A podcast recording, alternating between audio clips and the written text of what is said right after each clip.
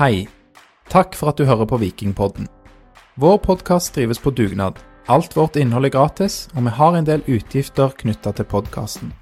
Du kan derfor støtte podden ved å vippse et valgfritt beløp til Vikingpodden, vips nummer 765728. Takk til alle som bidrar.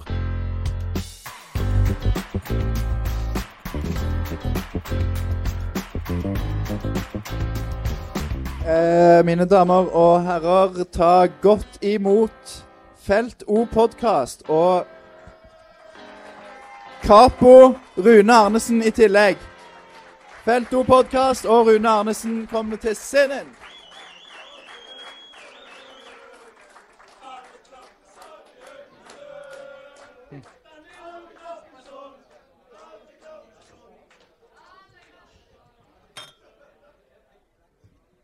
Eh, mangler vi en, uh, Danilo? Han pleier å ikke å legge seg klokka syv, så I vår podkast Danilo, så pleier vi å ha én mikrofon til hver person. Så da, den må du faktisk holde uh, så tett Så tett som mulig. Ja, ja, ja. Kan. Der er han. Kom an! kom an, Rune!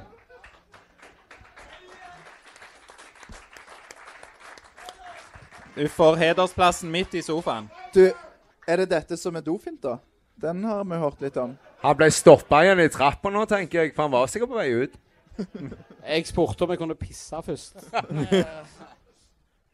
Jeg sa ja, du fikk jo lov. Du rakk jo det.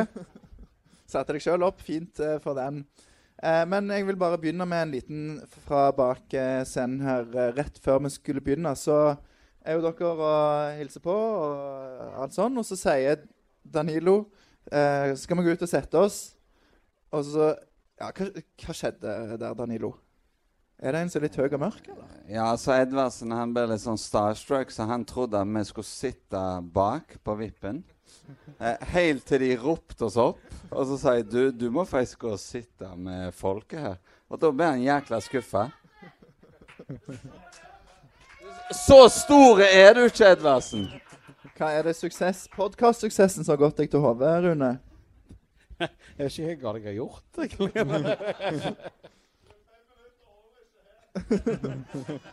Nei, vi har eh, Grunnen vi tok Rune opp her i stad, sånn at han litt, eh, fikk litt eh, ekstra tid. Men vi har eh, Det er veldig kjekt at dere ville stille opp og, og komme til oss. Vi, jeg syns det var litt gøy å kunne gi deg litt for at du er litt høy og mørk og fine på det. For vi får jo av og til høre at vi eh, er litt fine på det fra når vi snakker sammen. Så nå fikk du den tilbake. Så takk for det. I poden podden så er liksom Vikingpodden for, for fin. Er det det du sikter til, Lars? For snill, eller? Hva Rune er det? At vi, ikke sitter, at vi ikke står med de og sånn. Ja, står ikke på Nei, feltet. det har, jeg har aldri sagt det. Jeg har sagt det. Jeg snakker litt Har du pent, ikke og så er sagt dere det? veldig snille, og det, det er det. Pyro, det er vi for. sant? Ja, Aleksander. Ja, det er kult med pyro. Ja.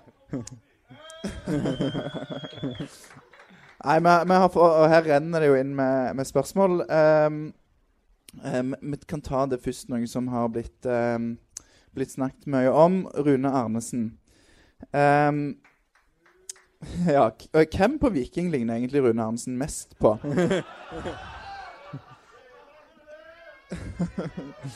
um, Eh, Arild Østbø. Are Østbø. Viljar Vevatnet. Hva er din kommentar? Det er Bricalo. Nei, men herregud, altså Jeg er mest lik Bricalo. Altså Og hvis jeg ikke er mest lik Bricalo, så er ikke Rune Edvardsen mest lik Stian Reffvik.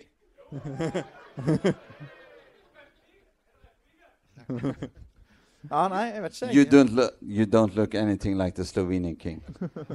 Stakkar Rune. Hva dialekt var det? En gang til.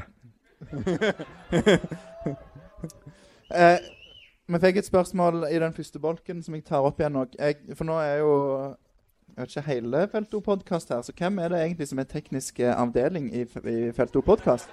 Det er det mange som spør om. Det, det er jæklig urettferdig at uh, Edvardsen har spredd et rykte om at det er meg. Fordi eh, jeg vet jo Jeg er jo den eneste som vet hva en eh, Commodore 64 er for noe. Så Edvardsen han legger ut episodene. Han skriker og hyler. Henningsen har jo opplevd det. Løkberg har opplevd det. Og hver eneste gang så holder jeg jo på å få hjertestopp, fordi kommer denne episoden ut. Men Edvardsen er teknisk ansvarlig, og han er helt ubrukelig. Sånn er det. Nå får du høre det, altså, Rune. Ja, og det, det er ganske løye. For at han, er, han er på en måte sånn Når vi spiller, så Danilo er jo lærer. sant? Han vet ikke hva jobb er for noe. Og så eh, Og så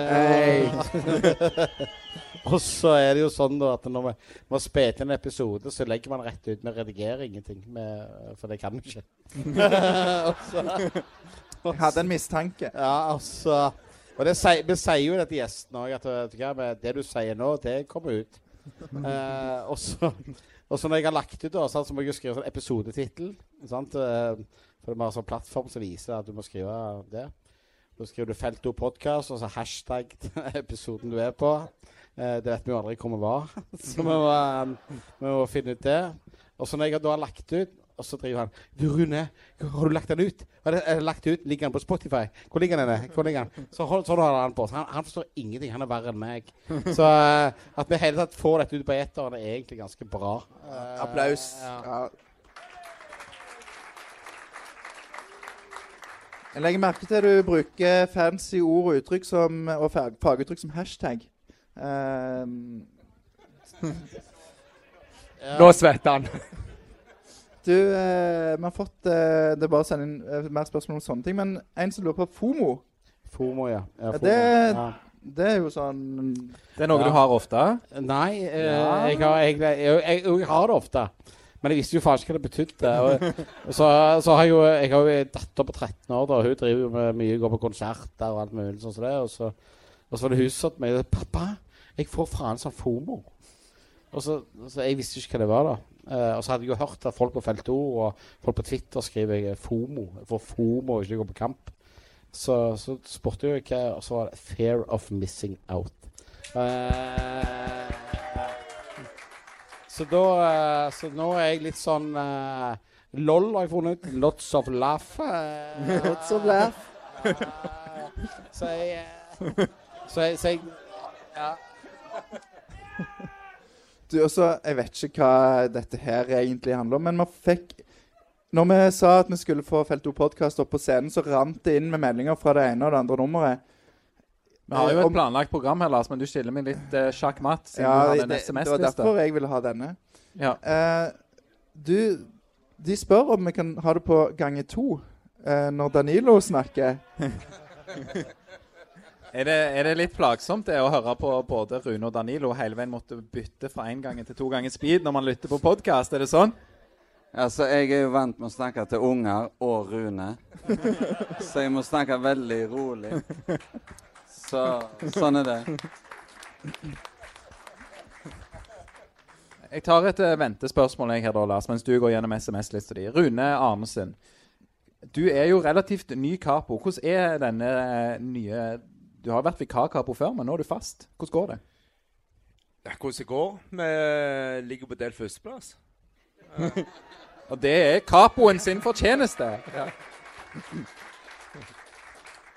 Nei, vi har hatt, uh, vi har hatt et surt hjemmetap. Det er det vi har hatt. Uh, og så Så var det sånn jeg fikk forespørselen for den halvt italienske Haugesund-talende eh, oss mot resten av verden-personen at eh, Danilo, det er han. Ja. At eh, om jeg kunne påta meg det her, og det som det innebærer da med å påta seg en capo-rolle, så er det jo det at jeg har f Altså, Felt O det er jo ikke Vikinghordene lenger. Uh, Vikinghorden er den største grupperingen, kanskje under Felt O-paraplyen. Men så har du uh, 40-20. Du har uh, Eh, Vecchia Guardia. Du har uh, masse grupperinger som går unna paraplyen av felt O. Og, og det som ble litt av utfordringen, det er jo at alle folk skal være enige om veien å gå videre. Og når jeg får uh, forespørsel om å bli da, så var det jo først å gå i uh, familieråd.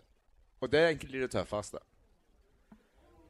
For å gå i Sitter ikke kona di her, da? Kona mi sitter her, jo. litt, litt overraskende, men hun er med. Sier du at det tar mer enn 90 minutter i en uke? Så eh, ah.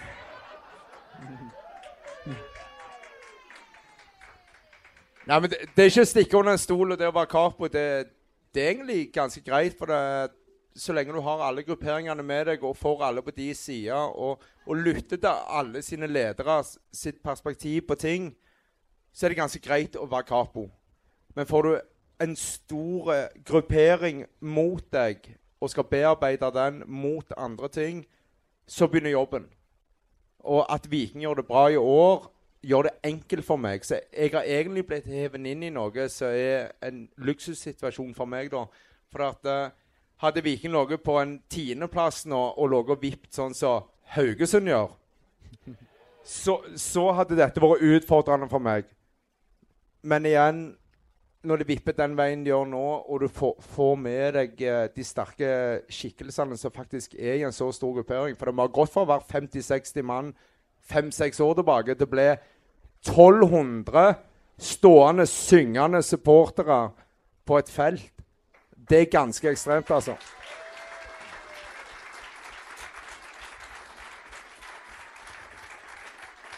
Og bak det å bli 1200 mann, det er ikke meg. Det fins grupper bak i kulissene der som ikke folk vet om engang. Altså, Danilo gjør en fantastisk jobb på det som har på supportersida å gjøre. Vi har masse folk som bidrar i alle grupperinger, fra 40-20 til 40 Hools til, til BB. Altså alle som fins av grupperinger under der, som gjør en kjempejobb, som gjør det lett for meg. Og så har jeg jo en halvtid italiener som maser holder hodet på meg. Han tar ikke telefonen mandag, tirsdag, onsdag, torsdag, kanskje ikke fredag. Så ringer han meg på lørdag og søndag og sier ja, du, du, du, vet at du må ta den sangen der først, og så må du kjøre det andre etterpå. Så, altså, det har jeg, men det gjør oss sterkere. Det gjør oss bedre. Uten tvil. Veldig bra.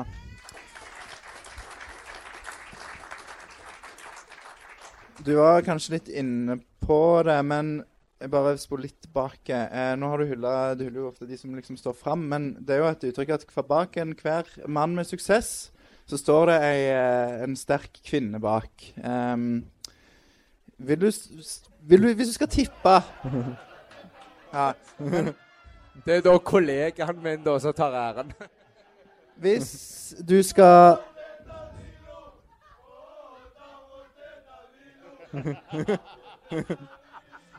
Eh, de, har en sånn, de har en sånn merkelig fetisj for kona mi. Hun, hun, hun, hun er fine, men eh, ro, ro dere ned. Hvis du skal tippe, eh, vil du t tippe at hun synes bare helt tipp topp alltid? At du eh, tok på deg capo-rollen? Nei. Nei, men det, ja, men det vet jeg. Altså, selvfølgelig. Altså, jeg, jeg deler postkasse med ei som driver for seg sjøl. Jeg driver for meg sjøl. hun driver Nå kommer det. Stemmen, hår og negler bommer så.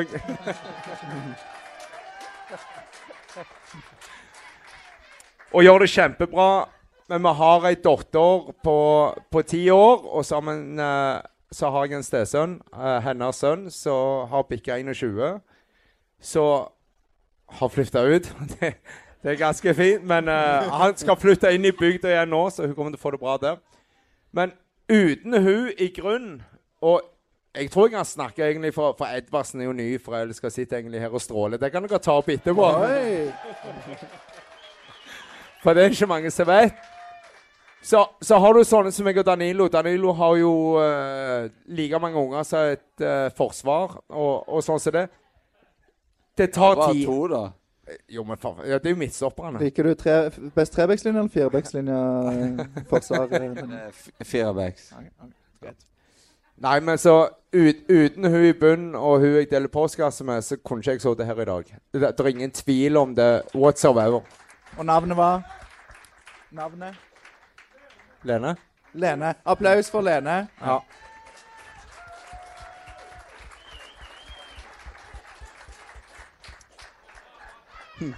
Så er det et rykte her at du veide faktisk 250 kilo før du bestemte deg for å bli med på hoppesangene. Er dette, kan du bekrefte dette? At jeg veide 250? Eller hva? Nei, står, ja, står, står det feil Rune? står Arnesen her. Det står Rune Arnesen, faktisk. Ja. Så bare faktisk Arnesen. Rune E. Arnesen. Ja, ja, men det kan være en skrivefeil. Alle sier jo at jeg er jævla fit. OK. Um, skal vi spore litt over på um, det viktigste? Ja, er det bare ræl som kommer inn på SMS, så kan Du, vi ta jeg må ta ett. Okay. Det skal ikke handle om oss, dette her. Men uh, hva syns Felt O om folk som stiller i andre klubbers podkaster, som f.eks. Rotsekk?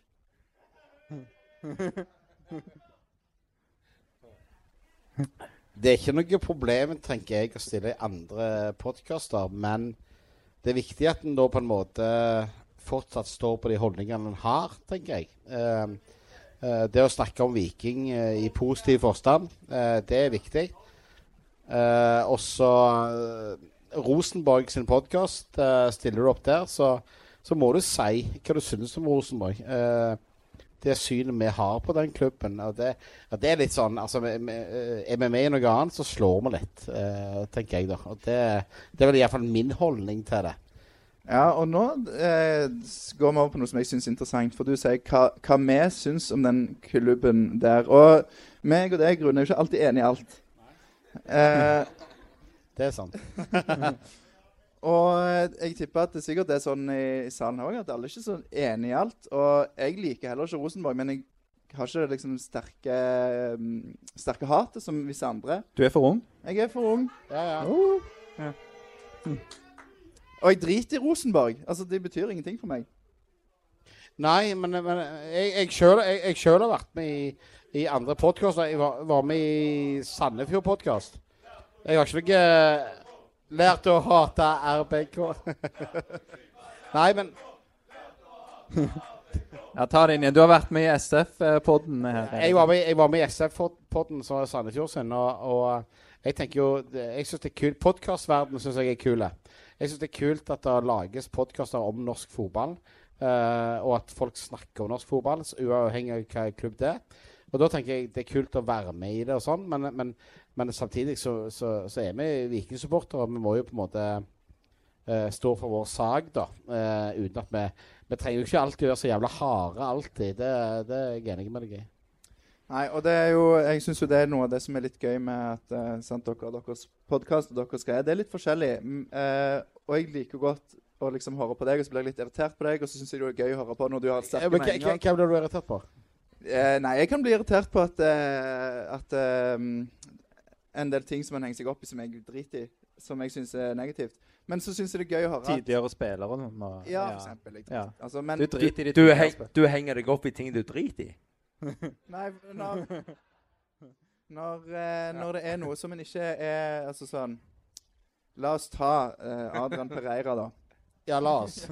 La oss gjøre det. Nå, okay. nå er du rett. Nå er du rett. La oss kjøre det, Adrian Pereira. Nå, nå våkner Capo okay, der borte. Okay. Nå ror jeg meg ut på dypt vann her, kjenner jeg. Men det eh, Der ble det jo diskutert eh, flittig på Twitter, og mange, tror jeg mange vikingsupportere synes liksom at det var gøy om han kom tilbake til klubben.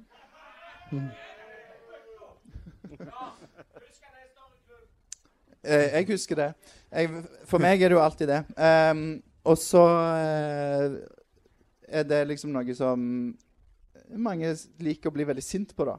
Og, og det er jo noe som jeg syns er litt kult òg med det supportgreiene. Sånn, Det der sinnet, som jo er en lidenskap, eh, som jeg personlig ikke liksom lar eh, ta så mye plass, men som da får mye plass i deres podkast. Nei, han, han får ikke nødvendigvis mye plass. Men vi tar Adria Pereira. Nå sa han. Altså, Adria Pereira La oss ta han. Ja, ja, nei, men, eh, men altså, altså, altså greia er jo at uh, Adria Pereira han, han er født og oppvokst uh, uh, og spilt fotballen sin i SIF i alle år. Saksamarka. Altså, altså, altså du, har, du, har, liksom, du har hjertet av Stavanger, midt i Stavanger. Der er Adria Pereira oppvokst. Spilt sine barndomskamper. så går til Viking. Er der. Eh, gjør det steingodt i Viking. Og så skjønner alle at han her han skal ut og spille fotball. Han, han er for god til å være her i byen. Så reiser han til Hellas, og så går det til helvete i Hellas. Han sitter på, på et rom i Hellas og griner under hele koronaen. Men hva gjør han? Han går til Rosenborg. Ja vel. Ja vel. Vi hadde ikke bruk for han akkurat der. Men så Og det, det, her er forskjellen på meg og deg. For det han gjør da, det er å gå ut og fortelle hvor stor klubb Rosenborg er. Altså, Når du står som saksamarka-gutt du, du har spilt på Siffen i mange år, og så går du ut og forteller at Rosenborg det er den største klubben du kan spille for i Norge. Barndomsdrømmen. Ja, Barndomsdrømmen, faktisk. Hallo! Ja, og det er der, og det, og det er akkurat der Akkurat der, da, da får jeg faen vondt i magen. For det, det er ikke greit. Og, og, og da, sånne spillere det vil ikke jeg ha tilbake til Viking. Sånne spillere vil ikke jeg skal spille for klubben min. Eh, Rosenborg er, er, større enn oss, ja vel. Så kan du bli der, da. Men hva sa du nå? Hva jeg sa? Rosenborg er større enn oss? Ja, han sa det. Oh, ja, han Og, og, det, og, det, og sånne spillere vil ikke jeg ha i min klubb. Eh, nei, ingen vil, ingen vil ha det. Og vi vil mye heller. Og, det er da folk spør oss hvorfor liker dere Rolf Daniel Vikstøl. Jo, vi liker han, for han er oppofrende mot klubben vår. Ikke sant? Og det er forskjellen. Og Derfor så skal vi ikke ha noe Veton Berisha. Vi skal ikke ha noe eh, Adrian Pereira tilbake i klubben. Vi vil ikke ha det. Og her, Lars Her, Lars, er det der du da veldig gjerne vil fokusere på de som er der, og snakke mindre om de som ikke er der. Er det det? Ja, altså for, for meg så er det viktigere med de som faktisk er i klubben eh, nå, og som brenner for klubben nå. Sånn som eh, f.eks. vi har her i kveld med Løkberg og de som vi har snakket om. Og det er jo de vi blir glad i, sant? Og Jo, men så, mange Altså, oss, oss som supportere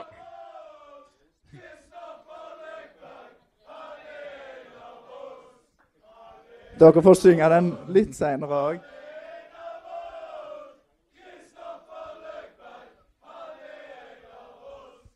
jeg, jeg tror alle her i salen her faktisk når, når du får en prat med Løkberg, så er den personligheten han er, og den inntredenen han har i klubben Han kommer jo fra, fra et eller annet Gokkivoll-greier eh, i uh, Hordaland. Jeg vet ikke helt navn.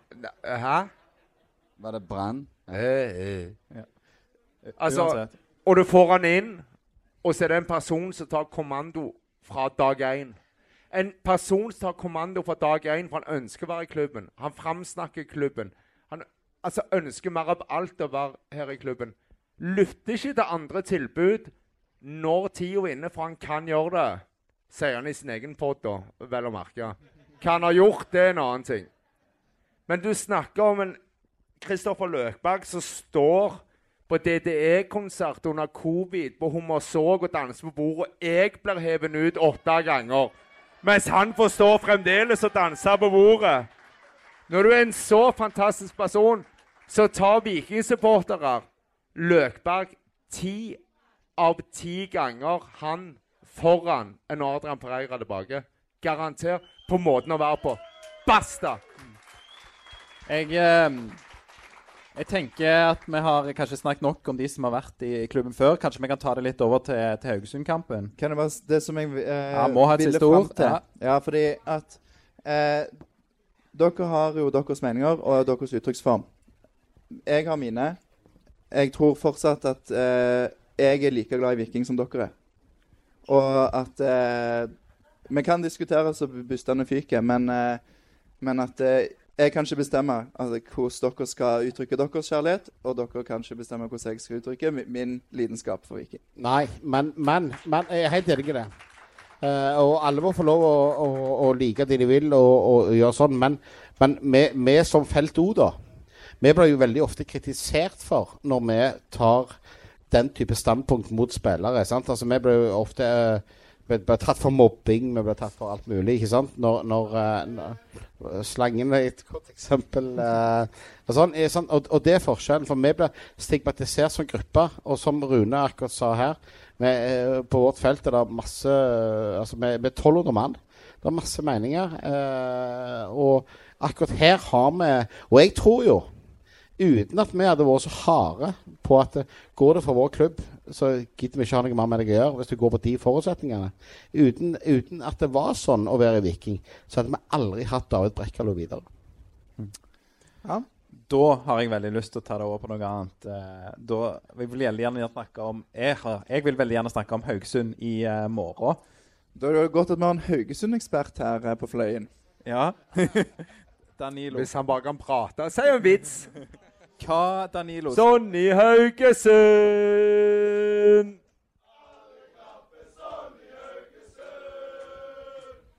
Det, Hva Haugesund!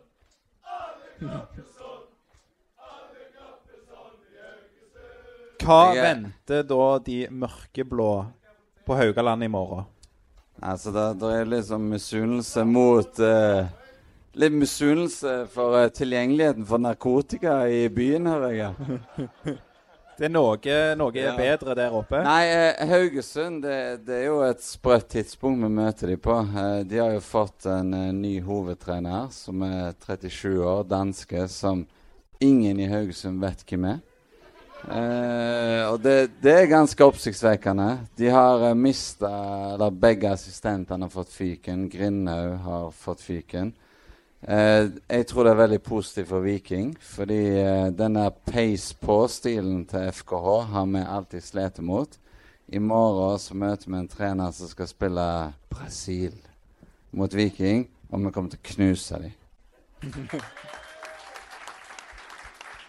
Hvordan eh, blir det for de eh, noen og tusen som skal ta turen eh, oppover eh, til Og- Haugesund i morgen? Og kommer du til å klare å klatre over veggen til hjemmesupporterne i år òg? Noen som spør.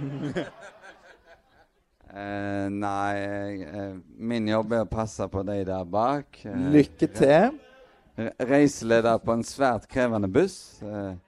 Folk klager over dugnad, barnehage, skole. De skulle jo prøvd å være reiseleder på en ultras buss til Haugesund. Det, halvparten pleier å havne i kasjotten.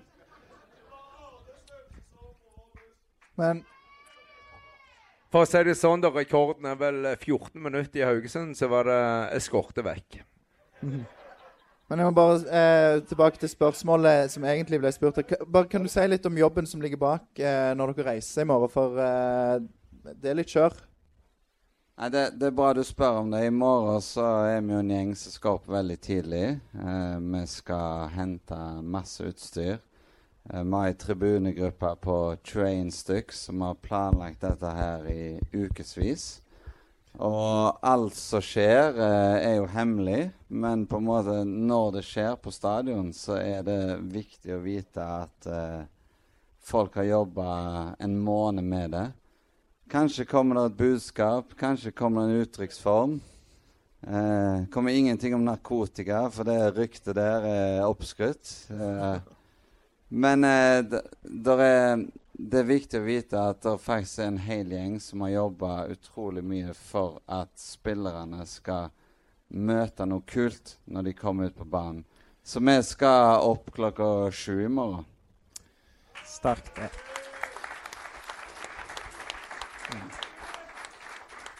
Um, Rune, eh, røyser dere opp til Haugesund for å lage bråk? Så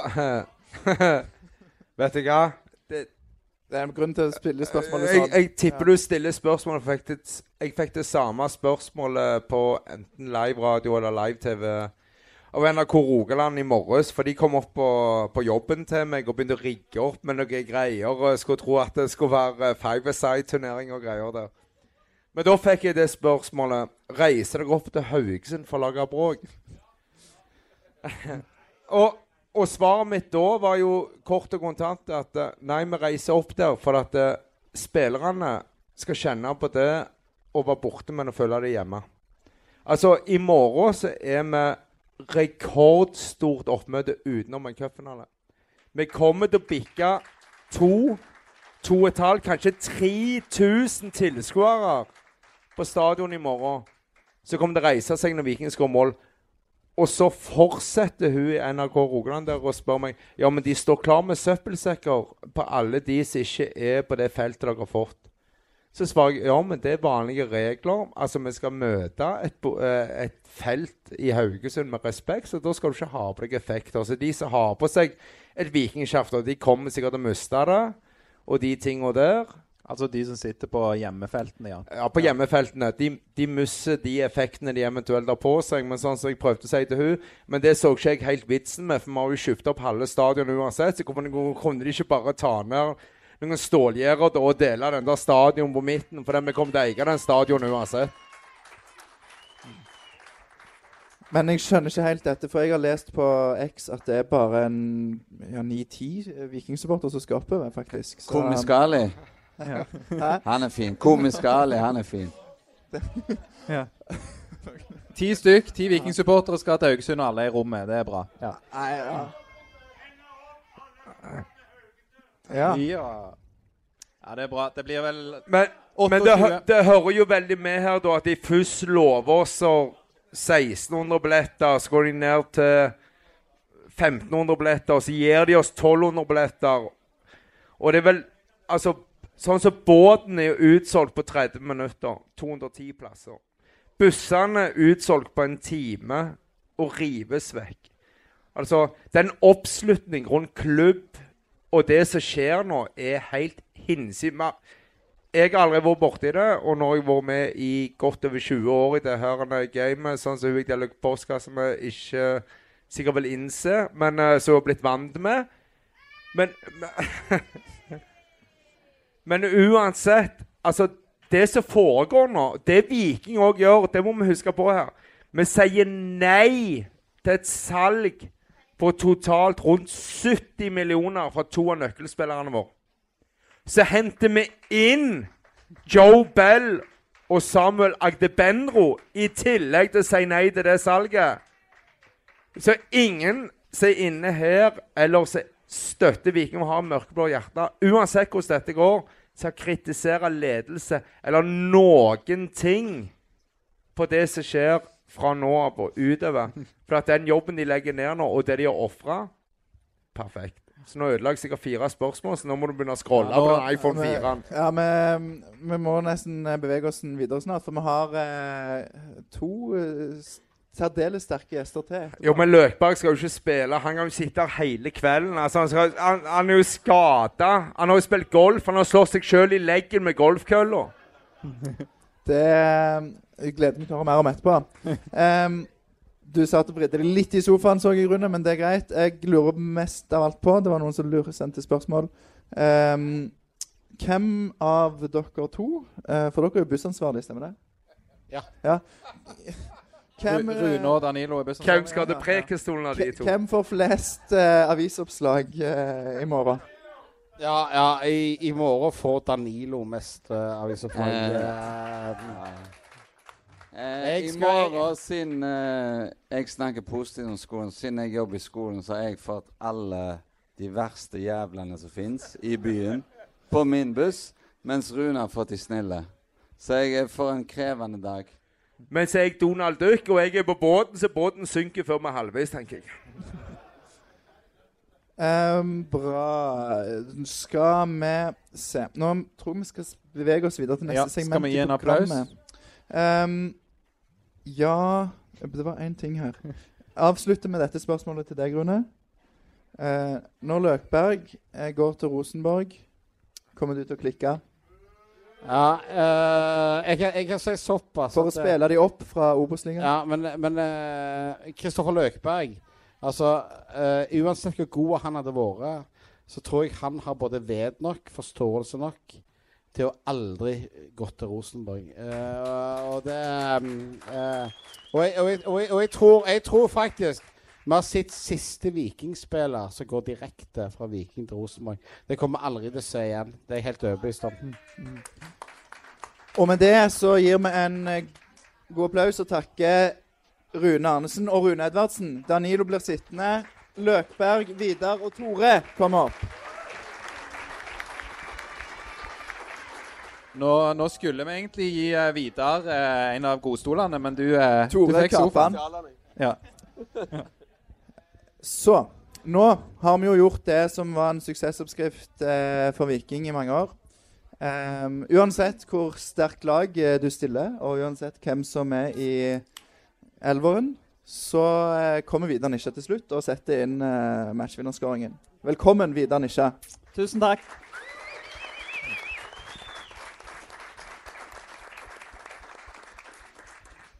2007 til 2000 og, eller ut 2015, stemmer vel eh, det. Og eh, nå har jeg ikke hvor mange kamper, men det ble noen hundre. Ja, det ble 305 til slutt.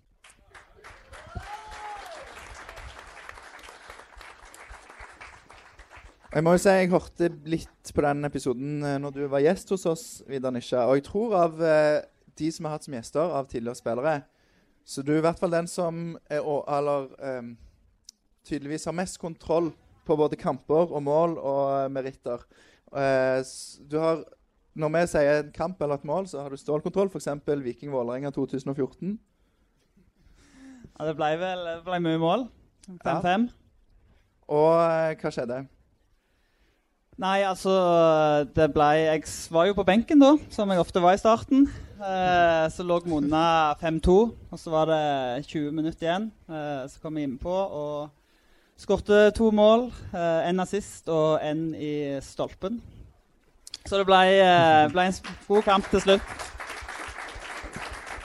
Var det, var det denne kampen der du hadde vært ute og nattbada før, eller var det en annen gang? Nei, det var faktisk den. Det var den, ja. ja. Ja, jeg var så irritert, for jeg hadde vært god på trening. Eh, og så fikk jeg ikke starta. Og så var det en kompis av meg som så vi der litt utover kvelden, og så sa han at han skulle opp til Ålgård og bade. Og så tenkte jeg drit i, jeg blir med. Så vi var oppe der i totida og bada, og var hjemme i, i tretida. Eh, så det er ikke alltid det er så viktig hvordan oppladningen har vært, men eh, som regel er det det. Mm. Folk som har gjort verre ting enn nattbada etter å ha blitt benka. Men det er liksom her på lista mi, så da vet du hvordan den ligger. Hva ligger der på lista di, da, eh, Kristoffer? Nei, jeg har ikke gjort så mye ille siste, men jeg husker faktisk før jeg skulle debutere eh, for eh, Strindheim i andrevisjon i, i sin tid. Da, da var jeg jo eh, i utgangspunktet på benken, jeg òg. Og da husker jeg var Jeg var jo 16 år og kjørte scooter. Da, da var jeg hjemme til ei dame til klokka fem om morgenen. Men eh, jeg skulle egentlig være på benken, altså, men så plutselig ble han skada på oppvarminga igjen. Så da måtte jeg starte lell, men det gikk fint. Så jeg leste jo tidligere om Eden Hazard, da, som har vært på fylla og skåra hat trick. Så det, det hender seg at det funker, men eh, jeg er ikke anbefalt. I, I det lange løp så er det kanskje ikke det aller beste for en fotballspiller. Nei, du blir avslørt over tid, jeg tror jeg. Men det står noen, ganske, noen som har lest Myggen-boka. Han har en del av de ganske gode historier der han ikke husker kamper der han har briljert mot Brasil, f.eks. Ja, det er sykt. Um, Tore, mange år, eh, mange år Viking-supporter. Eh, hva er ditt eh, forhold til Vidar Nisja? Jeg elsker Vidar ikke. Jeg, jeg traff han faktisk i pølsekø på kamp for et par helger siden. Og han er så sykt blid. Han er sånn smilende. Jeg elsker liksom typen. Sånn der Et sånn varmt smil. Nei, jeg vet ikke. Jeg likte han. Altså skåret han mye mål, da. Det er jo, det er jo positivt. Jeg stiller òg det samme spørsmålet til deg, Lars. Hva er ditt forhold til Vidar Nisja? Nei, jeg eh, det, det, det, det å sitte ved siden av deg i sofaen her, Vidar Nisja, Jeg prøvde liksom å late som jeg ikke liksom, at du skulle få sitte i den gode stolen, men jeg hadde avtalt med Tore at han skulle blokkere. Eh, det er jo en av mine store helter eh, som jeg liksom Jeg husker når du signerte for Viking. Eh, jeg husker jeg satt på, um, på hytta og leste på, i Aftenbladet, i avis, papir, eh, bilde av deg med sånn lang eh, trenings... Altså sånn shorts som gikk ned til knærne, sånn piratbukse, tror jeg det heter. Så, Han, han er god, tenkte jeg. og eh, Nei, bare eh, Litt som Tore, Tore sier, elsker, elsker deg. Så Takk for det. Det blir mye her, da. Det, ja. Det, eh, Danilo, kan du ta dette litt ned på, på jorda igjen, da, eller hva? Altså, Vidar Nisje, han eh, Jeg skal ikke si orda, men eh, Viking var jo ofte ræva i de åra. Og vi skreik jo 'få inn på Nisja' i en helsikens fart. Fordi han hadde en egen evne til å dukke opp, skåre mål. Og jeg vet ikke hvorfor, men du var faktisk bedre når du kom inn enn når du starta. Et sånt mysterium. Ja, men Var det tilfellet, var det bare det at eh, du Ja, nå spør jeg deg, Vidar. Du, du, var jo kanskje ufortjent mye på benken. Ja, jeg syns jo det. Eh, men det er klart det, det er vanskelig når de du eh, kjemper mot, eh, som blir henta på din plass, koster mellom fem og ti millioner hver sesong. Så da vet du at de får tre-fire måneder på, på på å prøve seg. Så Spille så- seg ut av laget, liksom. Ja. Ja, det blir jo litt sånn, men du må være klar. Og jeg tror nok kanskje det var en av mine store fordeler. At jeg var, jeg var veldig Jeg ble alltid skuffa når jeg ikke starta. Og spesielt hvis jeg syntes jeg eh, burde det. Men jeg greide alltid koble om til at når kampen kom, så var jeg klar. Det var aldri sånn at nei, drit i dette her. Eh, Treneren er idiot, jeg orker ikke gjøre noe. Så, så jeg var på en måte klar, og, og likte godt å, å komme innpå litt i utfordrerposisjon. Mm. Er det endra seg, sånn som du ser eh, Viking nå? Bedre personalpolitikk enn eh, i dine år? Det er helt sikkert noen som er veldig misfornøyde med å være på benken nå òg, så, så akkurat det endrer seg jo aldri. Heldigvis er det sånn at spillerne vil, vil spille. men men de er jo i toppen nå. Det har jo endra seg. Og, og felt O er jo 1200. Når jeg spilte, så var de nede i 12 av og til, hordene. Så det var liksom eh, Det er nokså kult å se nå hvor, eh, hvor mange det er, og hvor samla de er, og at det faktisk har blitt en en solid gjeng som står der. Så det, det er kjekt når jeg tar med ungene mine på, på kamp, så sier jeg sånn var det før, og bare litt flere. Men, men Nisha han var jo sånn som Vikstøl var i etterkant. Eh, alltid lojal. Sånn som han trønderen der borte er. Altså alltid klubben først. Det er, altså, det er ingenting vi elsker mer enn det. Altså, da får du ei høy stjerne uansett. Det virker ikke som Vikstøl elsker Vidar Nisja. Uh, Har blitt takla hardt av Rolf Daniel. eh. Ja, ja, det var jo første kampen jeg var tilbake etter å ha vært ute i eh, noen måneder. Så tok han jo ankelen min etter tolv minutter eller noe. Så, så det var rett i det gule kortet. Eneste gangen jeg har vært sur på Rolf Daniel Vikstøl, for øvrig. Eh, det er noen som lurer på hvorfor du alltid var ekstra god når kontrakten din holdt på å gå ut. Ja, det kan du si. Eh, nei, si det. Du må jo ha en jobb. Du må jo det. Eh, men eh, nei, altså den, den holdt jo på å gå ut en del ganger. Det var jo spesielt i 2009, nei 2010. Da var jeg jo egentlig ferdig og var på vei til både Kongsvinger og, og Bryne. Og så plutselig ble det et par skader, så endte det opp med å bli den sesongen jeg, jeg spilte mest. Så det var litt sånn eh, symptomatisk for, for karrieren min at jeg var, fikk beskjed av inn på kontoret til Egil Østenstad tre dager før overgangsvinduet stengte og sa at nå er det bestemt at du spiller ikke en kamp til. Og jeg husker jeg spør, ja, sånn, jeg har jo ett år igjen. Er det sånn uansett hva jeg gjør, så får jeg ikke spille? Så sa han ja, det er nok best at du finner en ny klubb. Eh, men så ble det to skader og, og sånn, og så vips, så var du, var du tilbake. Det er jeg veldig glad for. Eh, det var noen mål, og du ble jo årets spiller i Viking. Eh, og eh, ja, du, bare en liten ting her. Det er noen som lurer på om du sitter på benken fordi du, satt på benken fordi du drakk så mye brus. Ja, det kan- Beklager, Løkberg. Du skal det. snart få snakke. Det er ny rekord. Eh, Jeg har faktisk aldri snakka sånn lite i hele mitt liv. Jeg har vært vekke fem år, så jeg liker spotlighten. Det er på tide. For, dere må bare stoppe litt. meg. Vidar, hva, hva var brushistorien?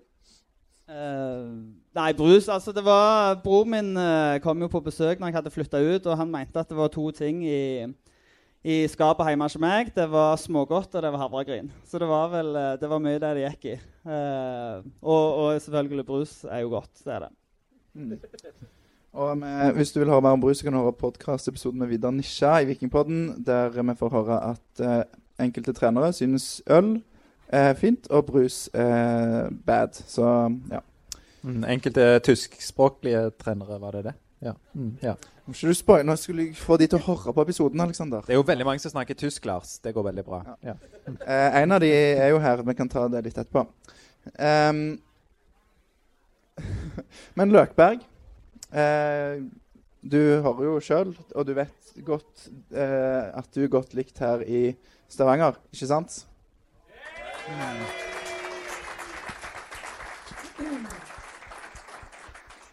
Sant, det var det vi avtalte. Ja, ja, godt. Ja, ja. Eh, du Hvis du skal prøve å forklare sjøl Hvorfor eh, elsker vikingfolk deg? Nei, det er jo det, det er jo egentlig ikke jævla vanskelig. Altså Hvis du oppfører deg som folk eh, mot andre folk, så går det jo som regel ganske greit her i livet. Så har vi noen hendelser med noen spillere som ikke skjønner eh, greia med det. Og da, da, blir, da blir det jo verre for dem, da. Men eh, også er jo kanskje litt at eh, eh, de gir blanke faen i det òg. Mens jeg er liksom glad i at eh, andre mennesker har det bra og føler seg vel og vet at mine ord og handlinger betyr eh, veldig mye for mange folk. Så da er jeg bevisst på det, rett og slett. At eh, min, min rolle, eller hva skal du kalle det, mitt, eh, at jeg er et forbilde for mange, det betyr jo litt. Og da må jeg kanskje oppføre meg deretter, da. For å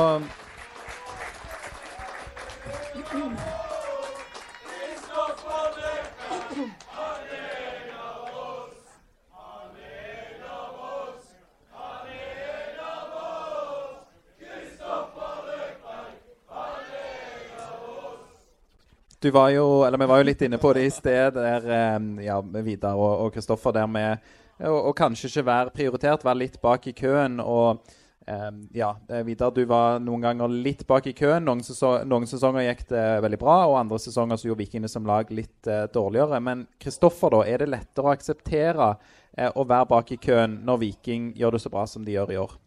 Ja, altså, du er jo uh, ganske rart skrudd sammen som menneske hvis du sutrer og klager eh, på et lag som har vunnet ti kamper på rad. Jeg, går jo tom for argument etter hvert. Eh, det ville vært Skulle jeg ment at vi hadde vunnet mer, eller eh, vært leda tidligere, hadde vært mer eh, trygt og godt å være på stadion. Jeg vet ikke, så i tillegg så har jeg kommet i den alderen der jeg har ikke Altså på en positiv måte. Jeg har jo fortsatt ambisjoner om å eh, være den beste hver dag når jeg går på trening. Eh, vi hadde den incidenten der jeg knuste uh, innbytterbenken, men da gikk ikke vant ti på rad. Jeg kan jo opplyse om at jeg har vunnet 15 av de siste 16 treningene jeg har vært med på. Så det er jo egentlig en god søknad om å få spille. Mm. Men det, det er jo Det viktigste for meg da, er jo ikke å få spille for å vise alle hvor god jeg er. Eh, for da toget har jo gått for at jeg skal finne på noe annet enn det jeg gjør her nå. Det største for meg vil jo være hvis vi vinner noe, for det kan jeg jo sitte igjen med resten av karrieren. Får igjen på 23 som har kommet fra utlandet og kommer hit. og Vi må forstå det at de er her for å ta det neste steget og for å oppnå noe annet. Eh, David er en av sjeldenhetene som forstår at det han opplever her nå, også er, kan være det største han opplever i karrieren. Resten er faktisk bare innom for at det er et steg på veien. For meg er jo det annerledes, og det er jo lettere. Så det går egentlig relativt greit, selv om uh, det var jo godt å, å spille borte mot, uh, mot Lillestrøm og kjenne at uh, Og vise til alle at herre her kan jeg jo. Mm. Det, er ikke noe, det er ikke noe problem å sette inn meg. Og jeg har jo tenkt i mine, mitt stille sinn når folk skriver om den Vi mangler den målfarlige indreløperen, så, så tenker jo jeg at hvis jeg hadde fått spilt 90 minutter uke etter uke etter uke, så hadde jeg kommet til å skåre en del mål på det vikinglaget her. Så sikker er jeg på det. Hvem er mest hvem, hvem er mest målfarlig? Dette er en liten sånn diskusjon vi har hatt internt i Vikingpodden. Mest målfarlig av deg og Birker Bjarnason? Nei, altså det, han, han er jo sikkert mer målfarlig enn meg. Eh, og han viste jo det da han var her, og var helt nydelig å ha den, den rollen han hadde for oss. da. Eh, så han er jo helt oppi her av den typen vi trenger. Men det er jo litt sånn eh, for spørsmål her om han var bedre som innbytter enn som å starte. Selvfølgelig blir du bedre om du starter kamper uke etter uke. Det handler jo bare om den tilliten du får over tid. Så det er liksom sånn eh, Det er, det er alltid lett å si Vi vinner jo alle kampene. Og så kunne jeg ha plassert meg sjøl inn på det laget her som er så forbanna godt. Da tror jeg at det har vært jævlig artig å spille. Men det er jævlig artig å være en del av òg. Det er det som er viktigste for meg. da. At faen, vi er jævlig gode nå, og det er dritartig å kjenne på og se på. Det er jo artig å se på, men det er artig å vite at gjennom det vi har jobba med i ja, godt over et år nå, da, egentlig har eh, båret frukter. da. Har du en liten skade? Nå er det sånn, da. Ja, jeg har pådratt meg to skader i år, da. Eh, Og begge eh, har skjedd på en søndag, der kampen var på lørdag. Og da høres det ut som eh, det var natt til søndag, men det var jo ikke. Jeg har da dratt inn på Vikingklinikken og skulle ha tatt meg ekstraøkt. Sist gang så fikk jeg kink i ryggen. Jeg løfta noen vekter. Og nå så, etter Vålerenga-kampen, så sprang jeg på meg en rift i leggen. Altså ene muskelen i leggen. På, var det på tredemølle? Det var på tredemølla, ja. Mm. Jeg er god til å være med på tredemølle, faktisk. så var ikke det. Men eh, ja, den sitter litt. Ja, den sitter i så du er ute nå? Jeg skal være med bussen i morgen, men jeg skal ikke stå på dommerkortet. Den bussen. Nei, nei. Altså, det her Ja, det her tenkte jeg på, faktisk. Om jeg skulle Skal, skal jeg bare våk... Du, du kan ta over som Altså- reiseleder for den gjengen der. Altså, Jeg- Altså, jeg er jo på en måte oppvokst som fotballsupporter sjøl. Jeg var jo med og starta Myriaden eh, for Strindheim i andredivisjon. Da vi var 13-14 år, så laga vi supporterklubb for andredivisjon. Og i Trondheim så var det jævlig kult, for det var fem andredivisjonsklubber eh, fra Trondheim. Og alle klarte å skape sin hver sin supportergruppering for sitt lokale lag. Så det var jævlig artig å dra til Kolstad, og så var du 25 mann, og så sang du mot Kvitbyen, liksom, som var deres eh, gruppering. Altså, det var jo latterlig sikkert for noen, da, men vi satt i kjelleren og laga sanger til kollegaene til Rune Edvardsen, Alex Larsen, laga vi sanger til, og det var helt eh, sykt. Og vi tok toget til Steinkjer, der vi hadde laga konfetti av at vi klippet opp blå og gule ark som var draktfargene til Strindheim, og kasta. Det var liksom lørdagen. Det brukte vi lørdagen på. Så jeg, jeg tenkte om jeg skulle tilbake til de dagene bare i litt voksen versjon. Eh, Du er velkommen. men eh, ja. det, jeg har fortsatt en rolle rundt laget, selv om jeg er skada, så jeg skal være med laget som vanlig. Og bidra med det jeg kan på Jeg den tror vi er glad for det. At du holder deg der. Jeg måtte ha drukket øl hvis jeg hadde vært på den bussen her. Det hadde ikke gått uten, så da blir det heller det. Eh, Danilo, eh, når du har Vidar Nisja siden her, du har Løkberg ehm, De har mye til felles. Akkurat nå har vi snakket mye om det at de ikke starter og sånn. Vidar Nisja ropte dere veldig mye på. Dere har sangen til Løkberg. Eh, forskjellen akkurat nå er at Viking gjorde det veldig bra. Viking gjorde ikke alltid like bra på den tida. Hvordan liksom altså, Det er jo spillere dere elsker kanskje og liker ekstra godt. Når de ikke får spille, hva, hva følelser setter det i sving hos dere? Nei, Hvis vi begynner med Løkberg, så han er jo en av de jeg hadde tatt ut først. Han, Slatko Brekalo, alltid på laget. Fordi de gir alltid alt. Og vi trenger egentlig ikke mer enn det. Og når Løkberg snakker, det er akkurat som en drøm. Det, det er bare å høre, akkurat som vi har skrevet manuset sjøl. Men, men sånne folk som det, det Du finner ikke mange av dem. Sånn som Vidar òg. Kom alltid inn, ga alt. Eh, Du kunne aldri anklage ham for å ikke ha svetta drakten og gitt det ville for de mørkeblå. Så det er ikke sånn at vi liksom Jeg tenker ja, Jasbekk han er god, han og Nilsen Tangen og Bell og sånn, men jeg hadde alltid starta med Løkberg. Jeg hadde starta med Vidar Nisja. Det er de folka jeg elsker som supporter. Nå, nå er det jo også sånn at eh, det høres ut som vi maler et bilde av et viking som var sånn eh, midt på treet-farer når du var der, eh, Vidar. Men det er jo ikke helt tilfellet, det heller. Dere har jo vært eh, gode og hatt Var det 2015-sesongen som var den eh, beste? Ja, nei, Den beste var vel faktisk den første i 2007, når jeg kom. Da ble det tredjeplass. Da ble det tredjeplass. Mm. Og i 2015 da var man med lenge, men ble litt hekta av. Ja, det var, lå på tredjeplass lenge, men de hekta av de fire-fem siste kampene. Endte Mm. opp på femteplass. Har du noen da som perspektiver fra disse to sesongene som du altså, som du tenker vil være verdifulle inn da mot et lag som kjemper helt i toppen? Og hvorfor, hvorfor gikk det ikke hele veien for dere? Nei, jeg tror Først og fremst så, så var vi ikke gode nok. Eh, men vi greide ikke være stabile nok over en hel sesong. Eh, og så var det Sånn som nå, så, så har de vært ekstremt stabile. Det sier seg jo sjøl når du vinner ti kamper bra. Men, men eh, det, det er typer der òg. Det hadde vi jo Jeg har tenkt litt på det i det siste. Altså, vi hadde jo det hos oss òg. En gang jeg kom inn, så var det jo altså Du hadde Allan Gårde, du hadde Nicolai Stockholm. eh, Thomas Myhre kom etter hvert. Eh, Du kan ikke si at du ikke hadde typer på en måte som tok tak. Eh, Erik Nevland kom hjem. Vi hadde Patrick Ingelsten som spiss. Altså, Vi hadde store navn, eh, og det ble investert mye penger. Det er en annen historie. Men, men, eh, men det var, jeg tror ikke det sto på navnet og det sto ikke på ambisjonene. Men, men det ble liksom aldri Og du hadde trenere med internasjonalt snitt som kom, men de, de heller fikk det ikke til. Så akkurat hva som gjorde det, det, det er litt vanskelig å si. For det, det sto ikke på pengebruken, det sto ikke på spillerne. Uh, I forhold til hvilke navn som ble henta. Men som lag så fikk vi, fikk vi aldri ut uh, maks, tror jeg. Og så var det mange gode lag uh, i tillegg som vi spilte mot. Så jeg tror det er en sånn blanding der. Eh, Men, men det ble jo en sånn selvoppfyllende profeti at vi alltid eh, svikta når, når det gjaldt. Når eh, stadion var full eh, og folk kom, og det var liksom det siste kneppet du skulle vinne den kampen, og så var du virkelig gullkampen. Da, da røyk vi. Det, det tror jeg rett og slett handler om at vi, vi ikke var gode nok. Men var det sånn at dere var redde noen ganger når det var fullt? At det var en annen stemning i Stavanger? At det var litt sånn Det ble mer nerver, og så nå er det litt mer sånn alle er på lag? For det har jeg tenkt på. Ja, ikke for min del, men, men det er klart der òg er spillere er forskjellige. Eh, og igjen, det ble jo Lå du i toppen, så ble det snakket om ei uke før kampen. liksom, at ja, nå, Og du hørte det jo når du gikk rundt òg, liksom. Det var ikke bare gjennom media. sånn, men Du, du hørte ja, ja, det, det ryker vel igjen nå. Ja, nå, er det, nå kommer det en ny kamp. Den taper de.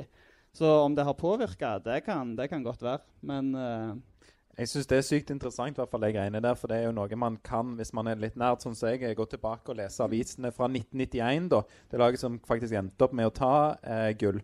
Eh, da skriver man jo om gull på, på sommeren, og det går jo til slutt. Men det blir vel ett poeng på de fire siste kampene, liksom. Så det er så mye greier oppi hodet. Og ja, man skal være stabile. Og hadde andre lag vært litt bedre da i 1991 eh, på slutten Den Start òg tror jeg snubla på slutten, så hadde det ikke blitt gull. Så det er litt tilfeldigheter òg. Du, eh, Vidar, følger du Viking tett? Vil du snakke det, eller? Uh, ja, jeg følger iallfall nokså godt med.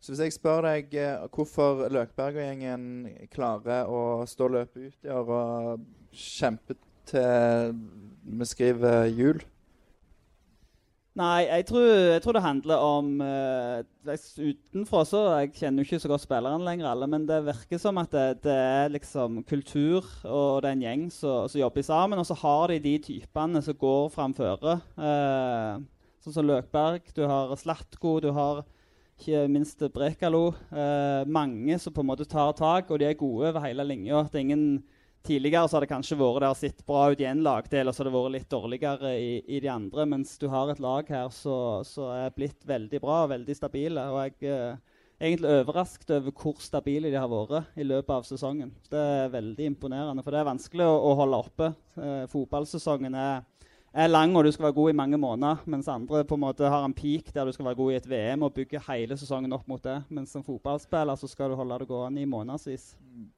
Og Spillerne snakker mye om selvfølgelig støtten fra supporterne. Hjemmebane i Haugesund i morgen. Det er jo eh, veldig spesielt. Um, hvorfor burde egentlig Kristoffer Løkberg få flere sjanser på Vikinglaget i år? Nei, altså han, eh, han, trenger du ikke kjenne for å se hvorfor han bør, bør, spille. Det er jo en av de som går framføre, eh, og så, så lever opp til, til, det alle supportere og egentlig spillere og ønsker at en lagkamerat skal, skal, vise. Stå-på-vilje, eh, 100 innsats eh, og en ærgjerrighet på at alle skal, skal bidra og, og, gjøre sitt beste. Så, så sånne spillere trengs i elveren, men ikke minst så trengs de i troppen. Og der tror jeg det er mange som ikke ser en veldig viktig rolle som de som ikke er på laget, faktisk har. Eh, og når han snakker om at han skal være med fordi han har en viktig rolle rundt laget, så sier det litt om typen. For jeg har spilt med nok spillere som er ute av laget, og så sitter de bare og syter over at de kunne vært der, de har fått tilbud av den agenten, har snakket med den, hvorfor film får ikke jeg spille? Treneren er idiot. Eh, og det er der litt av suksessoppskrifta ligger. Hvis du får spillere som gjør alt de kan for å være på laget, men allikevel klarer å bidra når de ikke er på laget, da har du en sterk tropp og et sterkt lag. Ja, men eh, Når vi snakker om Haugesund borte da i, i fjor eh, Viking tar ledelsen med Daniel Karlsberg. Eh, Løkberg blir utvist. Eh, jækla, jækla irriterende. Ja, den, den hadde vi faktisk vunnet så lett, for de var dårlige. Men, men, når han kommer etter kampslutt, altså vi holder på ryggen ned, og du ser Løkberg komme mot oss og, og med tårer, og han er, så, han er like lei seg som oss Altså, det var sånn man-crush-løk, uh, altså. Det, det, var bare helt uh, fantastisk øyeblikk. Kristoffer, mm. kan, eh, kan, du si litt, kanskje? Du har jo vært i Viking i noen år nå. Kan du si litt om den reisen fra du kom inn i 2019? Det har jo vært høyt oppe og lavt nede. Ja, det har det. Jeg kom inn i 2019 og ja, kom vel egentlig med en eh, klar beskjed om at vi må skalke lukene og berge plassen. For det var seks kamper uten seier, og det begynte å se ganske skummelt ut eh, bakfra etter Det var vel tre, det var ni poeng på de tre første kampene. Og da jeg kom, så hadde det vel omtrent vært ni poeng på de neste kampene, og det var i midten av august. Um, og så klikka det jo ganske greit uh, fra start, så vi fikk oss en fin luke i, i bunnen. Og kunne egentlig senke skuldrene litt og, og se framover og oppover. Og cupen kom jo og ble et eventyr i seg sjøl. Uh, sesongen etterpå lugga det jo mer, og så uh, ble det alle det styret med, med Bjarne og hva som skulle skje videre. og det vi fikk en sterk høst uansett, så vi, igjen så ble det en respektabel sesong. Men det, det prega oss nok litt at vi ikke klarte å, å finne den veien videre da, før uh, litt uti der det roa seg med at, uh, at, at, Bjarne var ferdig og, og, Morten og Bjarte skulle ta over. Og så kom jo covid. Uh, og det, det, er jo tungt nok det at Morten og Bjarte sin eller eh, Morten og Bjarte sin første preseason var fire treningskamper. altså pang, rett inni, inni og vi fikk en, en, start som lugga. Det var sikkert noen borti der som skrev noen vonde ord på Twitter om at det her var bare å få tilbake Bjarne med en gang. Eh, men vi som var innafor, vi skjønte jo at det her er to unge, urutinerte trenere, men som har tanker og visjoner. og er dyktig på det å ideene i spillet da, som vi kan få fram over tid. Eh, vi lykkes umiddelbart med, med bronsen, men så i fjor da, så ble det jo et, et vendepunkt etter at vi, vi leda til Vi leda vel 17. mai og gikk i tog og var tjo og hei. Uh, men da begynte vi egentlig med litt for mye som ikke ikke var tanken og ideen og filosofien i det Morten og Bjarte starta. For vi begynte å fokusere på at vi skulle spille Europa. Eh, og da begynte vi allerede da å tenke at i Europa så møter vi så jævlig gode lag. At eh, i Europa så må vi forsvare oss helst med fem bak. Tre på midten og to, to frem, for at hvis ikke kommer vi til å tape kamper.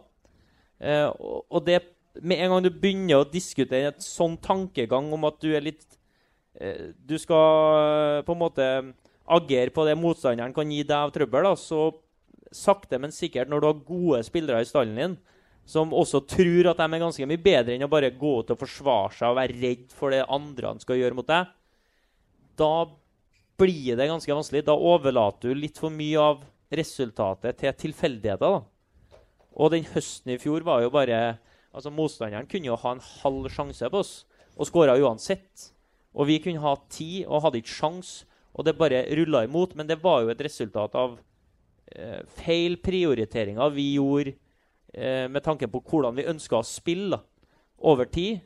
Og da duppa resultatene ned, og det var ganske tøffe evalueringer på eh, innad. Og personlig var ganske tydelig overfor eh, både trenere og alle at det her ikke går over tid. Hvis du skal vinne noe, da. For hvis du skal vinne noe, så må du tro på evnene dine til å skape trøbbel for motstanderen hver eneste gang, og at du skal være det beste laget så ofte som mulig i de fleste kampene. For å overlate minst mulig til det som alle snakker om er marginer. Det er så mye marginer i fotball. Men de beste lagene har jo ikke noe trøbbel med marginer. City kan ha så mye marginer imot de vil. De vinner 4-2. For at de er bare bedre. Uh, så det er jo dit vi ble enige om at vi ønska å komme. Men det sto ganske sterkt, da. Samholdet i klubben. Så det, det ga meg trua allerede da vi reiste på botur til København. At det her kan gå. At det her kommer vi til å snu. For at vi var 25 mann som kledde oss ut i Peaky Blinders-outfits og reiste til København på tur. Og det viste meg at det var en garderobe som fortsatt trodde på hverandre og sto sammen og var kamerater, selv om vi var ja, vi var helt sportslige ned i kjelleren. Og, men det gjaldt jo alle. Og så bestemte vi oss for en del ting i preseason.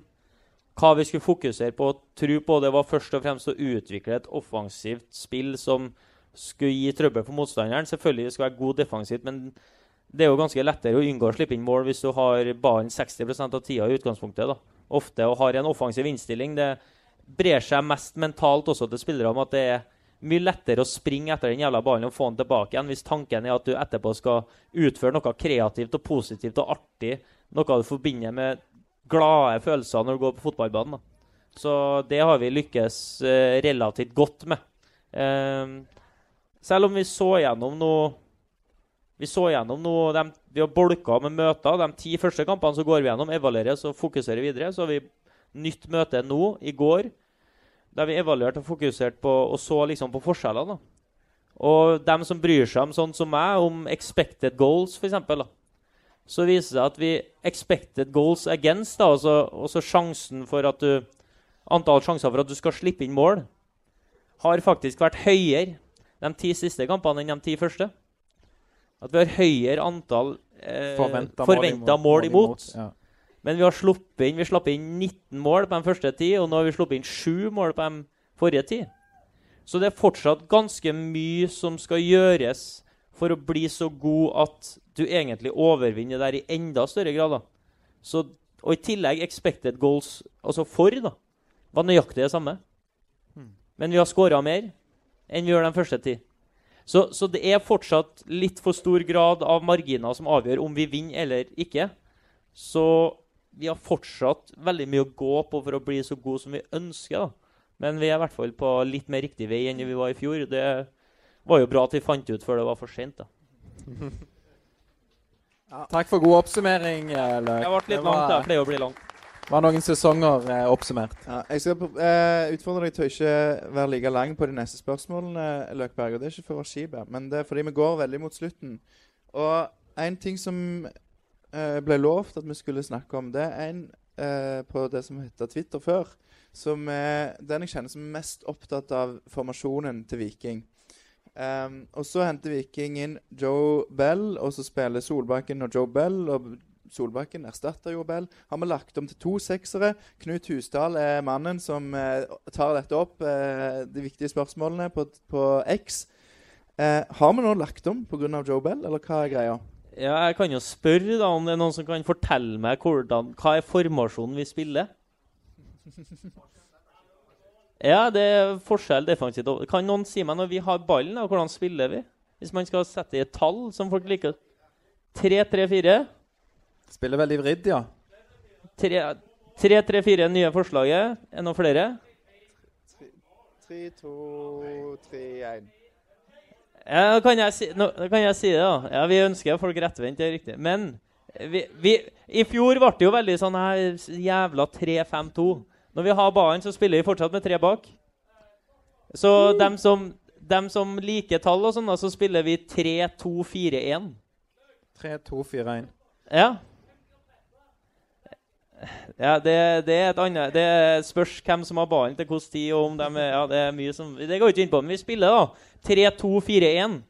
Eh, Det vil si at den, vi tar utgangspunkt i at vi skal skape trøbbel for dem. Da vil vi ha to som er høyt og bredt. Og vi har en som heter Slatko Tripic. Og hvor skal han være? Jo, han skal være høyt og bredt ut venstre. Ikke venstreback, altså? Ikke venstreback, nei. Det var et forsøk, det òg. Jerv borte. Fy faen. Herregud. Nei, det er sykt. Tenk tenk deg å ha gått gjennom alle de lagoppstillingene. Vi gidder ikke gjøre det. Men vi, vi har eh, da Slatko Tripic høyt og bredt venstre, sant? Og det skaper litt, det skaper litt for resten konsekvenser for hvordan andre og hvilke typer som kan spille hvor. da. Eh, vi må ha en høyt og bredt høyre òg. Og hvis vi f.eks. hadde spilt med ja, Hvem er det som er høyt og bredt høyre? Jo, det er jo Sondre Bjørsol. Må, Han er han jo- må det alltid være Sondre Bjørsol? Nei, for hvis en annen person F.eks. hvis Jan Erik Delanlé spiller høyreback, så kan jo f.eks. sette Samuel Adegbenro høyt og bredt høyre. Men du må fortsatt ha en som er tier, inn i banen. Og da kan Jan Erik Denalé gå opp som sentral midtbane når var barn, Og så kan du bruke f.eks. Harald Nilsen Tangen som høyre indreløper. Da blir han høyre tier, for dem som henger med på det. Så det her handler om det som vi kaller for på nerdespråket da, positional play. Som er posisjonsspill på norsk. Er at eneste vi er opptatt av, at vi skal ha de følgende posisjonene. Vi skal ha tre bak, én i midten, én til venstre og én til høyre. Vi skal ha to sentrale midtbanespillere, vi skal ha to tiere, eller indreløpere. Og det er jo fordi at den viktigste posisjonen å dominere på en fotballbane er jo sentralt i banen. For hvis du spiller ballen ut ei side hele tida, så er det veldig lett å forsvare seg. Men hvis du klarer å dominere inn i midten, som vi ønsker med fire spillere og ikke tre, som vi gjorde tidligere, så er det jo større sjanse for å ha et overtak på motstanderen. Sørg for å få dem til å jage etter den ballen inn i midten, og så kan du jo helst få gjennom en av kantene etterpå. Men det spiller jo ingen rolle hvem som er i hvilken posisjon. Bare at de posisjonene er opptatt til enhver tid. Og at de er forutsigbare for medspilleren. Kan du òg si for de som eh, hang med på sånn 70% av det du sa, Ja. Kristoffer Jeg blir at- engasjert når Ja, men det er veldig bra. At vi tar opp denne episoden, så akkurat denne bolken kan jo folk gå tilbake og høre på ny da, for å henge med på resonnementet her på 3, 3, 2, 4, 1. 3 2, 4, 1. Ja, så, folk så, er gode. så Joe Bell, da, som var hovedspørsmålet, han spiller jo nå høyre indreløper, som folk kaller det. da. Så når vi forsvarer oss, så forsvarer vi oss i 4-5-1. Og da ligger jo han til høyre. Markus for eksempel, ligger i midten og sier Harald til venstre. Men når vi spiller offensivt med ballen, så blir jo han helt naturlig en av to sentrale midtbanespillere på akkurat samme måte som Jaspek har vært det hele sesongen. Og så er det jo individuelle forskjeller. at Jaspek han er jo mer en som liker å gå på løp. sant? Så han naturlig kan forsvinne og gå av gårde og sånn. Og det ønsker man jo at Joe òg skal få evnen til, for du vil jo at folk skal kunne finne på egne ting og ta kreative valg, og gjerne da offensive løsninger lenger fram. Men Joe Bell som indreløper er nøyaktig det samme som Jaspek, bare at de har forskjellige kvaliteter. Den, vi har ikke endra en formasjon. Vi spiller på nøyaktig samme måte. 3, 2, 4, 1. Knut, fornøyd? Nei. Det er ikke Bell og Solbakken fra liket. Begge flytter ball, mens Halesen Tangen kan Ja, men Harald er en annen story, for Harald har hele sesongen spilt venstre innløper. Og det som er deilig med å spille venstre innløper, er at du trenger bare å forholde deg til Slatko, som er høyt og bredt venstre. Så du kan bare gli opp der, og ikke tenke noe mer. Og bare være i den rollen. Så for resten så blir omrokeringa at Sondre Bjørsvold må jo være høyre back defensivt, og høyre kant offensivt. Høyre kanten, som er Sander Svendsen, har jo vært Alle her er jo enige at Sander Svendsen har vært en av våre beste spillere i år. Og en av hovedårsakene til det er jo at vi har funnet en rolle som passer han veldig bra med å være høyre kant. Men hva, høyre kanten kan jo ikke stå ute på krittet når Sondre Bjørsvold skal stå ute på krittet. Så han blir jo da inn i banen mer som en tier. Og der er jo han best. Uten å spille tier. Han er fortsatt kant, men han er tier når vi har ballen.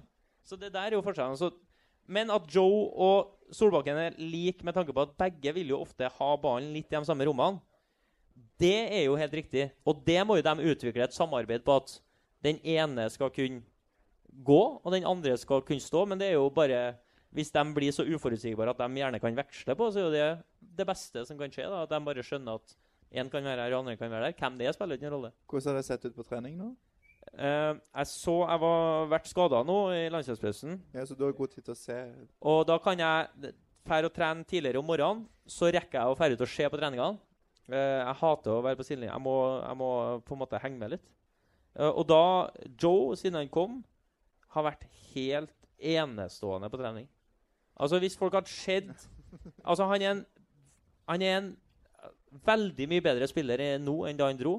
Og så er det ikke sikkert det kommer til å vises heller i morgen. Men, jo, men, men Joe kom jo hit og skrev en fire og et halvt års kontrakt. Og Joe sitter på frokosten hver dag og sier 'ikke snakk engelsk'. Jeg skal lære meg norsk. Han sitter og snakker norsk. Så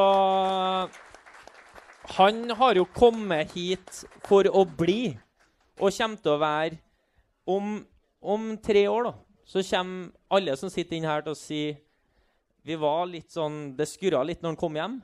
For at han oppførte ikke seg som en bør oppføre seg når han dro. Det er han enig i åpen om Men steike glad vi er for at han kom hjem, for han har vært den beste midtbanespilleren i Eliteserien Jeg jeg er helt jeg er bombesikker på det. Og Markus blir jo mest sannsynlig solgt. Og hvor deilig er ikke det da når vi skal forhåpentligvis spille europakvalik neste år, at vi allerede har erstatta han, på en måte, istedenfor at det som skjedde i fjor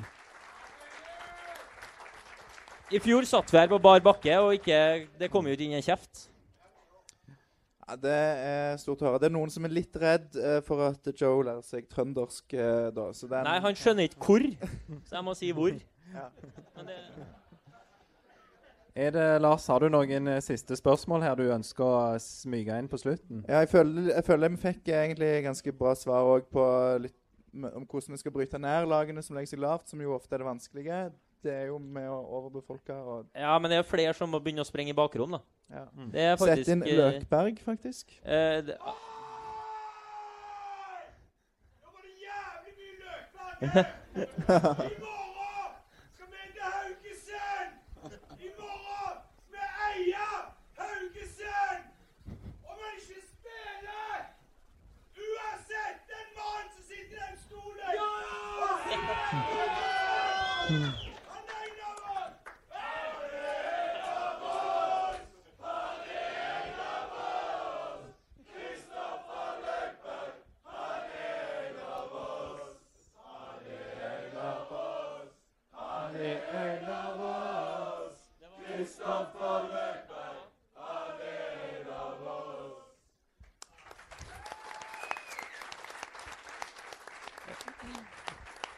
Tror vi skal begynne å rappe opp, eh, Lars. Ja, Danilo, er du fornøyd? Veldig bra. Veldig bra. Nå må man bare Du skal hjem og sove. Du skal opp klokka Ja, syv. det skal opp blir en- tidlig. Det blir en tøff dag i morgen. Vidar, eh, helt til slutt eh, Husker du hvem du svarte på? Hvem av medspillerne du har spilt med som imponerte deg mest i podkasten vår? Samuel? Samuel. Så det er jo kjekt at han kom hjem igjen, da. Ja, veldig. Jeg, eh, jeg gleder meg til å se han, og jeg er jo litt spent, eh, som alle andre, hva fysisk form han er. Men eh, hvis han har de samme kvalitetene som han hadde når han var der sist, så, så er det bare å glede seg. Og uansett så, så klarer han nok 15-20 minutter på, på slutten, så det tror jeg er viktig. Men han var, når de to kom ifra fra flyet der med, med shorts eh, og kom inn på, med slippers på første trening i, i januar. Så, men det var noe av det sjukeste jeg har sett. Jeg husker etter første trening så gikk jeg bare opp til Økland og sa at de der to må signere. Det tror jeg eneste gang jeg har vært oppe på et kontor og sagt at noen spillere må, må inn, for de var helt syke. Og vi kan alle da gi en applaus til Vidar, som da fikk Samuel Lading Bernhoft. Det var, var min og, og Samuel òg ser faktisk veldig bra ut på trening. da. Altså ja, Superfrisk, rett og slett. Tore, er du fornøyd? Jeg er strålende fornøyd. Bra. Eh, Alexander, er du fornøyd? Ja, jeg er veldig godt fornøyd. Jeg må sykt eh, på potter, så jeg eh, Ja. ja. Et par eh, avsluttende ting. Jeg synes at det er helt fantastisk å ha så mange ivrige vikingfolk her. Dette var veldig kjekt, syns i hvert fall jeg. Em, jeg synes jo at eh, vår østerrikske venn Babsi bør få en liten applaus.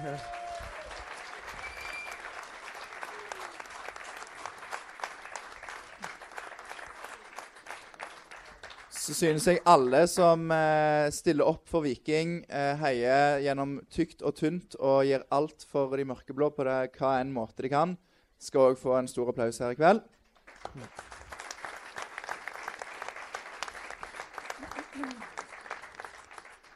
Og så blir det Vi kommer til å rydde litt og sånn her, men det er mulig å henge igjen. Det er mulig å Eh, henge igjen. Baren er åpen en stund til, så bare å henge og prate litt og Og hvis dere ikke er helt fornøyd og har fått svar på alt dere lurte på, så får dere bare huke tak i dem før de stikker ut, for jeg tror ikke det er en sånn bakvei. Så eh, Ja. lykke til. Så Og så to, eh, Leif Tore, du har nå vært og øvd hele denne sansen nå, sant? så du er klar for å uh... Leif Tore skal spille litt piano til avslutning. Ja. Ja, jeg trekker tilbake alt stygt jeg har sagt om pianospilling. Og jeg syns faktisk det hadde vært veldig fint hvis du kunne spilt, så kan vi synge. Ja. ja, det er bra. Ja. Ja. Mens Lars gjør seg klar, så vil jeg bare si tusen takk òg til Leif Tore og Tore Pang og Kristoffer Løkberg, Danilo og Vidar Nisja. Takk for at dere stilte opp i Vikingpodden Live.